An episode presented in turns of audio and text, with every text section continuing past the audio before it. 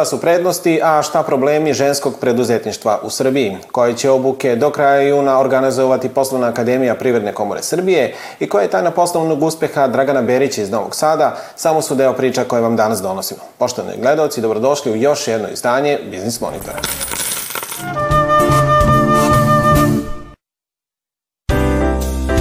Vlada Republike Srbije i Ministarstvo rudarstva i energetike pokrenuli su aukcije za dodelu tržišnih premija za obnovljive izvore energije.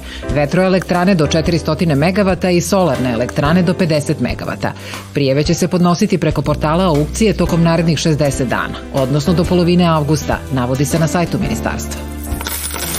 Ministarstvo financija donelo je pravilnik o elektronskom fakturisanju kojim se između ostalog uređuje način i postupak registrovanja za pristup sistemu elektronskih faktura, način primene standarda elektronskog fakturisanja, minimalni sadržaj elektronske fakture neophodan za procesuiranje kroz sistem, kao i način i postupak elektronskog evidentiranja obračuna poreza na dodatu vrednost u sistemu elektronskih faktura.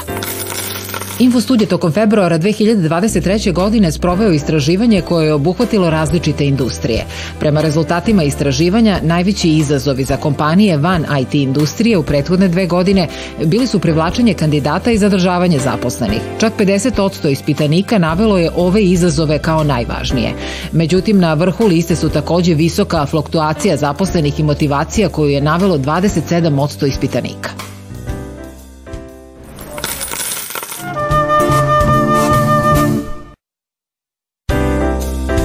Proteklu radnu nedelju na produktnoj berzi u Novom Sadu obeležio je pad količinskog i finansijskog prometa u odnosu na prethodnu sedmicu, dok su najvažniji primarni poljoprivredni proizvodi uglavnom dobili na vrednosti. U nedelji za nama na robno-berzanskom tržištu primetan je rast cene kada su u pitanju kukuruz i pšenica.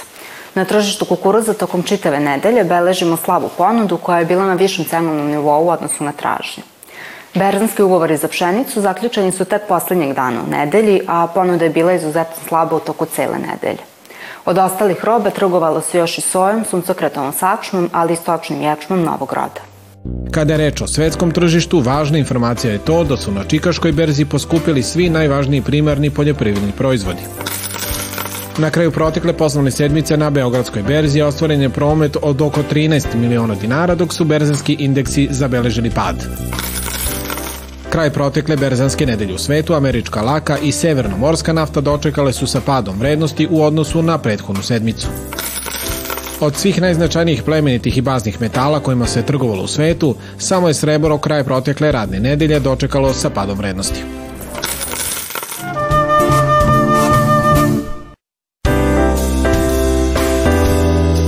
Žena koja je recimo bila u 22. E, na porodiljskom odsustvu i vraća se, ne znam, u aprilu mesecu 23. godine, ona ima pravo na puni godišnji odmor, ako nije koristila, je tako, u 22. ima pravo na puni godišnji odmor u 23.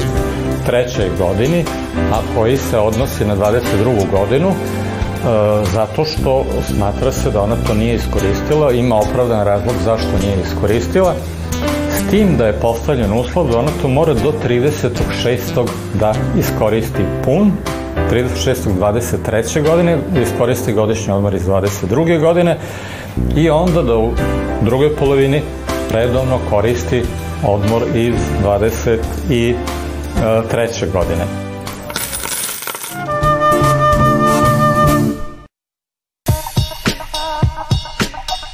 Od vremena kada je naša koleginica Tatjana Vojtehovski pre skoro 30 godina razgovarala sa poslednjom Virginom u Crnoj Gori, pa sve do nedavne konferencije Biznis na štiklama u Novom Sadu, svašta se promenilo nabolje u životu žena na Balkanu.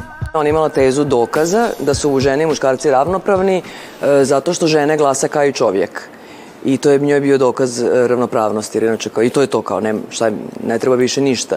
Na moje pitanje, onda to je bilo sredinom 90-ih, sad zvuči nekom kao da sam razgovarala u srednje veku sa njom, znaš, ali na moje pitanje njoj pa je to okej okay što žene glasa, ona je reka tanko, boga mi.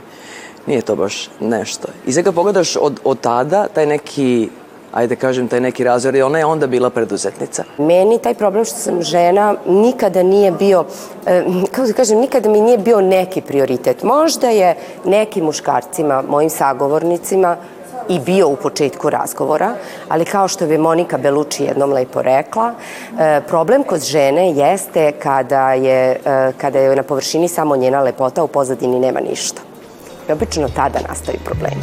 Međutim, bez obzira na znanje i posvećenost poslu, preduzetnicama u Srbiji je pomoć u poslovanju neophodna, posebno na početku. Zapravo, pomoć je potrebna svim početnicima u poslovanju, bez obzira na pol, jer smo mi ipak mlado preduzetničko društvo. Mislim da na početku, pored finansijske pomoći, koja je uvek potrebna kada počinjete i kada startujete, e, trebaju i one druge neke e, veštine da preduzetnice dođu do tih veština, tih alata koje su im potrebne da vode svoj biznis, e, jer nekako mislim da uvek treba raditi na tom znanju.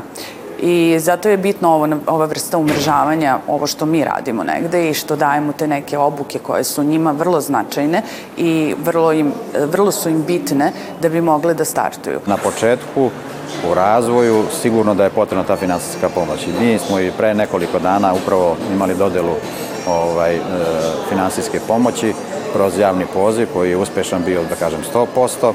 Međutim, i tom prilikom smo ustanovili da dosta žena, preko 50% prijava je bilo neispravno, što znači da još uvek postoji nedovoljno, da kažem, ovaj, poznavanja javnog poziva. Kada je o finansijskoj pomoći reč, važno je istaći i to da je nekim ženama ona stvarno neophodna, dok ima i oni koji se preduzetništvom uopšte ne bave, već su samo vlasnice firmi koje vode njihovi supružnici deca prijatelji. Mi smo ovaj, izradili jednu studiju i mapirali, da kažem, žene preduzetnice E, presudno je bilo to da su one vlasnice ili suvlasnice preko 51% tih privrednih subjekata, da bismo mi kao pokrinjska administracija i pokrinjska vlada znali tačno koliko tih žena preduzetnica imamo, šta je to od mera i od radnji koje treba da budu stimulacija njihovom daljem razvoju, njihovom jačanju ovaj, u oblasti biznisa, koje bi mi kao administracija mogli da preduzmemo. Mislim da se smanjila ta podela u poslednje vreme i mislim da interesovanje države za žensko preduzetništvo je to pokazalo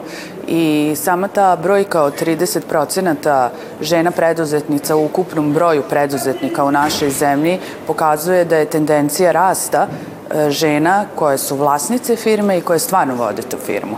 Jer državi je vrlo bitno da žena stvarno stoji iza toga i da je ona ona koja to vodi i koja to radi. Ako ostavimo financije po strani i pogledamo širu sliku preduzetništva u Srbiji, jasno ćemo uočiti paradoks.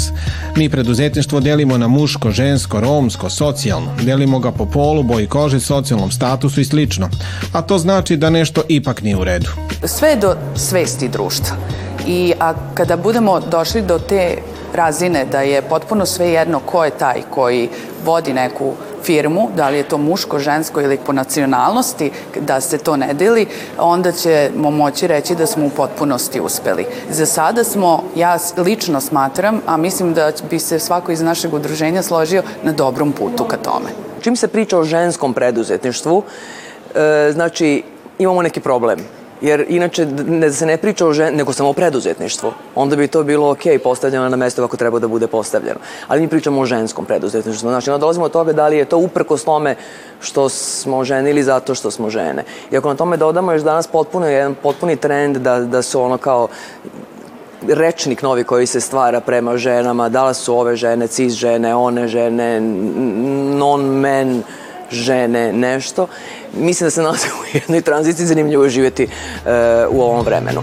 Ono što je opšti utisak jeste to da su uprko s preprekama žene odlučnije u biznisu. A to je verovatno posledica toga što su bar tri puta morale da pokucaju na neka poslovna vrata, gde je muškarac pokucao samo jednom. Žene se više usuđuju da idu u malo preduzetništvo, malo i srednje preduzetništvo i negde su, čini mi se, voljnije da budu deo promena, da učestvuju, da učestvuju u promenama, čak i da kada im se desi nešto u nekim godinama, posle 40 ili posle 50. godine, da ostanu bez posla, one su spremnije da nešto pokrenu neku svoju preduzetničku priču. Negde žene imaju e, bolji osjećaj za biznis, bolju intuiciju, kao sagovornici sa e, poslovnim partnerima e, su mekše, e, komunikativnije i meni se čini da su uopšte u pregovorima žene bolje od muškaraca. Ali po sistemu korak napred, nazad dva, mi smo uprkos povećanju svesti društva o ženskom preduzetništvu, kao i nikad većem broju namjenskih konkursa, kroz krajnje spornu porodijsku naknadu za preduzetnice uspjeli da ugrozimo veliki napredak u razvoju male privrede kod žena. Ono što znam jeste da su mnoga udruženja počela, pokrenula inicijativu za tu promenu. Pre neki dan sam bila sa predsjednicom Unije poslodavaca ovde u Vojvodini, koji su jedni od tih koji su tu inicijativu pokrenuli pre, ja mislim, neke dve godine i mi kao udruženje smo je podržali, ali nekako, kako ona kaže, kad god to dođe na dnevni red na ekonomsko-socijalnom savetu, nešto se uvek ispriči preče pa to nikako ne može da dođe na red. Diskriminatorno u svakom slučaju jeste. Jer na taj način ti teraš, ono ne možeš imati sve. Kao ako imaš posao, ne možeš imati decu. Ako imaš decu, ne možeš biti dobra u poslu. Ako si dobra u poslu, sigurno si loša majka. I mi inače živimo u tom društvu, da se žena koja je uspešna u poslu malo pravda da, jer ja se sjećam kad sam ja ranije, na primjer, radila u korporacijama i e, kad odeš na večer, u biznis večer, uglavnom su tamo muškarci, on si pojede neki small talk, znaš, oni onda te pitaju kao, e, imaš dete, pa kao jedan dete, koliko je dete, šest godina, ko vam čuva dete? Meni su uvijek neko pitao kome čuva dete. Muškarci niko nikada nije pitao ko vam čuva dete. Inače, osim toga što moraju da biraju između zatvaranja biznisa i porodinske naknade u punom iznosu i što moraju da rade gotovo tokom cele trudnoće, majke preduzetnice nemaju ni pravo da u prva tri meseca porodinskog odsustva dobiju naknadu u visini minimalca.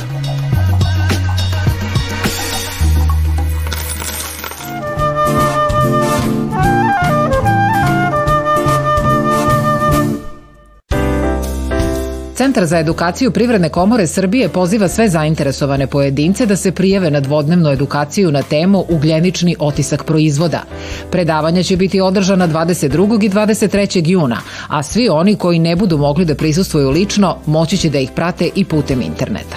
Ova obuka jeste veoma relevantna za sve privredne subjekte koji žele da sagledaju uticaj svog poslovanja na klimatske promene, Pozivamo da polaznici obuke budu i oni koji su u kompanijama zaduženi za oblast zaštite životne sredine. Učesnici mogu biti i predstavnici lokalne samouprave, ali svakako i svi oni koji su zainteresovani za oblast zelene ekonomije, klimatske promene, zaštitu životne sredine. Naš predavač sa dugogodišnjim iskustvom u oblasti zaštite životne sredine e, predstavit će vam standard 14067, e, proći kroz standard i e, ukazati na vezu ovog sa drugim relevantnim standardima standardima. Takođe u okviru obuke biće izrađena i pojednostavljena studija CFP.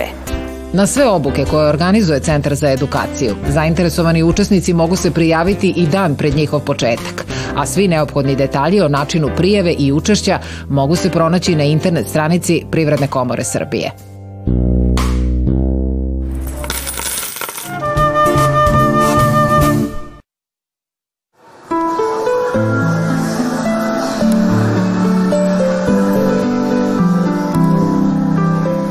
Kada je pre 20 godina novosađanin Dragan Berić u skromnim uslovima osnovao svoju galeriju satova i nakita, verovatno niko osim njega nije verovao da će danas Berić satovi biti vodeća kuća vodećih svetskih brendova i najbolji retailer u ovoj branši.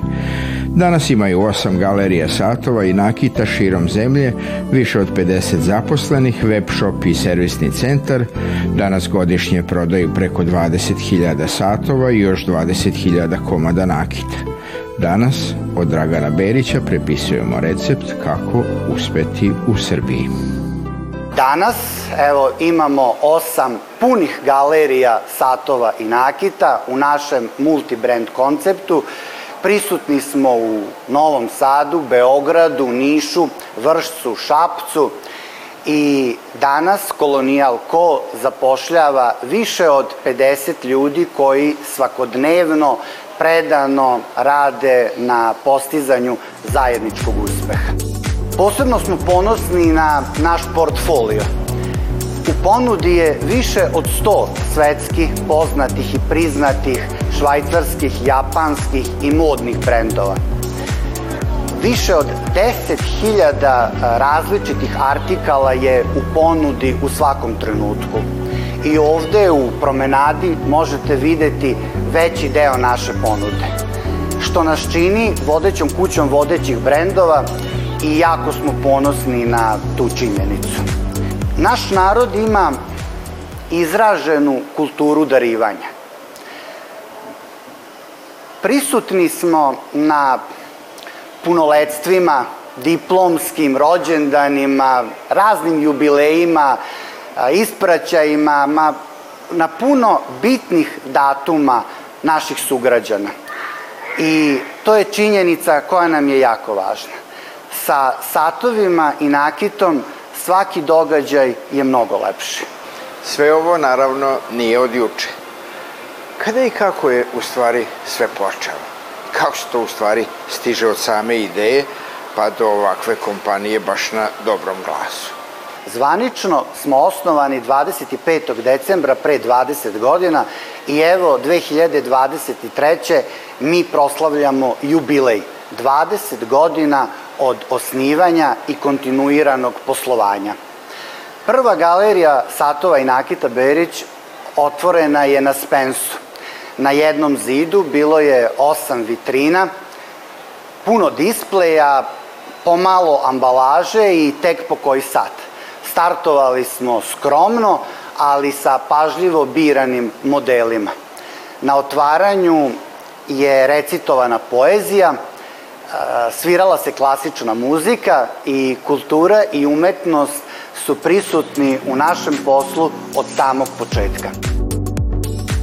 Potpuno je prirodno da kompanija kao i sam život ima svoje uspone i padove, odnosno lepe i izazovne periode. Bilo je godina u kojima je rast bio usporen, ali najvažnije je da smo uspevali da pronađemo put, da se održimo i da imamo kontinuitet. A strpljenju i posvećenosti naučili su nas veliki, iskusni brendovi sa kojima sarađujemo. Kada kažete Lonžin, 1832. datum osnivanja, ili Tisot, 1853. Seiko, 1881. Svi oni imaju zajednički imenitelj. Naravno, sem tradicije i iskustva dužeg od jednog veka, a to je sinonim za kvalitetan sat. I danas Galerija Berić, Satovi i Nakit je postala sinonim za mesto gde se kupuju lepi i kvalitetni satovi. I u knjigama piše da je za uspeh preko noći potrebno 20 godina. I evo, nakon 20 godina kontinuiranog poslovanja i zahvaljujući poverenju naših sugrađana, mi postojimo i trajemo. Kakav to čovek treba da bude ono što kažemo pravi preduzetnik, gledajući iz vašeg iskustva? Kažu da treba da ima ideju, da bude vredan, uporan, hrabar, da ima sreću, sve to zajedno. Kako je bilo u vašem slučaju? Sve to su bitne karakteristike jednog uspešnog preduzetnika, ali i posvećenost i strast. Iskusni ljudi su rekli, ako volite to što radite, nećete raditi ni jedan dan u životu. Ja sam stava da ljudi koji kažu posao je posao, šta tu ima da se voli, greše. Jer ako unesete ne samo ljubav, nego i strast u ono što radite, za uzvrat ćete dobiti čistu alhemiju ili i fiziku, jer energija je neuništiva. Ona prelazi samo iz oblika u oblik. I vaša posvećenost će rezultirati uspehom, a to je ono što bodri, nadahnjuje i pokreće svakog preduzetnika. U najkraćem, to je to. Kojih se načela i principa držite u svom poslu, ama baš svakog dana? Koji je vaš poslovni moto i recept za poslovni uspeh? Verujem da sve počiva na ljudima. Radimo za ljude, radimo sa ljudima, ljudi nam ukazuju poverenje i moji saradnici su najvažnija karika našeg biznisa. Pravo je zadovoljstvo raditi u okruženju najpoznatijih svetskih brendova. Ali verovali ili ne, i oni kao takvi imaju svoje nedostatke. Tačnije, hendikep. Ćute kao zaliveni. I da zlo bude veće, još su zaključani u vitrinama iza stakla. Jedina šansa da oni pronađu svog srećnog vlasnika i da ih neko predstavi na dostojanstven način, koristeći činjenice i argumente onako kako oni zaslužuju, su upravo ljubazni, obučeni, prodajni savetnici. A to su moji saradnici, moji ljudi. Sigurno svi znate za fond Privrednik i njihovo načelo koje sam i ja usvojio, a smatram da je to formula uspeha, glasi – uči, radi, štedi, investiraj. A ja sam tome pridodao i budi zahvalan i moli se Bogu. Šta je u vašem poslu najteže, a šta opet najlepše? Smatram da je najteže bilo ne samo truditi se i raditi, nego ne odustajati. Na svu sreću uvek je mnogo više lepih stvari nego onih teških. A šta je najlepše? Pa sigurno to što radimo u okruženju luksuznih satova i nakita. Satovi i nakit su u zemlji Srbiji luksuz. Potpuno smo svesni činjenice da se bez nas može, ali je sa nama mnogo lepše. I duboko verujem u kulturu darivanja našeg naroda. Kako je uopšte biti preduzetnik danas u Srbiji? Šta vam je u tome lepo, što ste sam svoj gazda, a šta vam najviše smeta? Upravo to što ste sada rekli. Kod nas nema gazde. Ja sam osnivač i direktor, a na funkciji generalnog direktora. Moje kolege i ja zajedno gradimo celu ovu priču. S jedne strane to je sloboda u odlučivanju, a sa druge strane ogromna odgovornost za preduzete korake. I neka to bude mešavina, sloboda i odgovornost. I na kraju Biznis Monitora mi uvek pitamo šta je za vas poslovni uspeh, a šta lična sreća. Ako govorimo jezikom biznisa, poslovni uspeh se meri ekonomskim pokazateljima. A za mene poslovni uspeh je to što trajemo već 20 godina to što smo od tri zaposlena stigli do blizu 60. To što smo svake godine, makar za nijansu, bolji nego što smo bili prethodne. Poslovni uspeh je to što smo slavili puno malih pobeda da bi stigli do ovog jubileja 20 godina poslovanja u kontinuitetu i što smo prepoznati i priznati kao vodeća kuća vodećih brendova. Lična sreća se ogleda u ispunjenom životu. Koliko god voleo svoj posao, smatram da život nije samo posao. To su i deca, i supruga, i porodica, i vera, i zdravlje, i hobi, i putovanja, i još puno, puno drugih stvari. I sve to me inspiriše i regeneriše i nadahnjuje i daje mi snagu. Samo kada se pronađe balans svih tih stvari, a ostati dosledan životnim načelima, za mene predstavlja zadovoljstvo i ličnu sreću.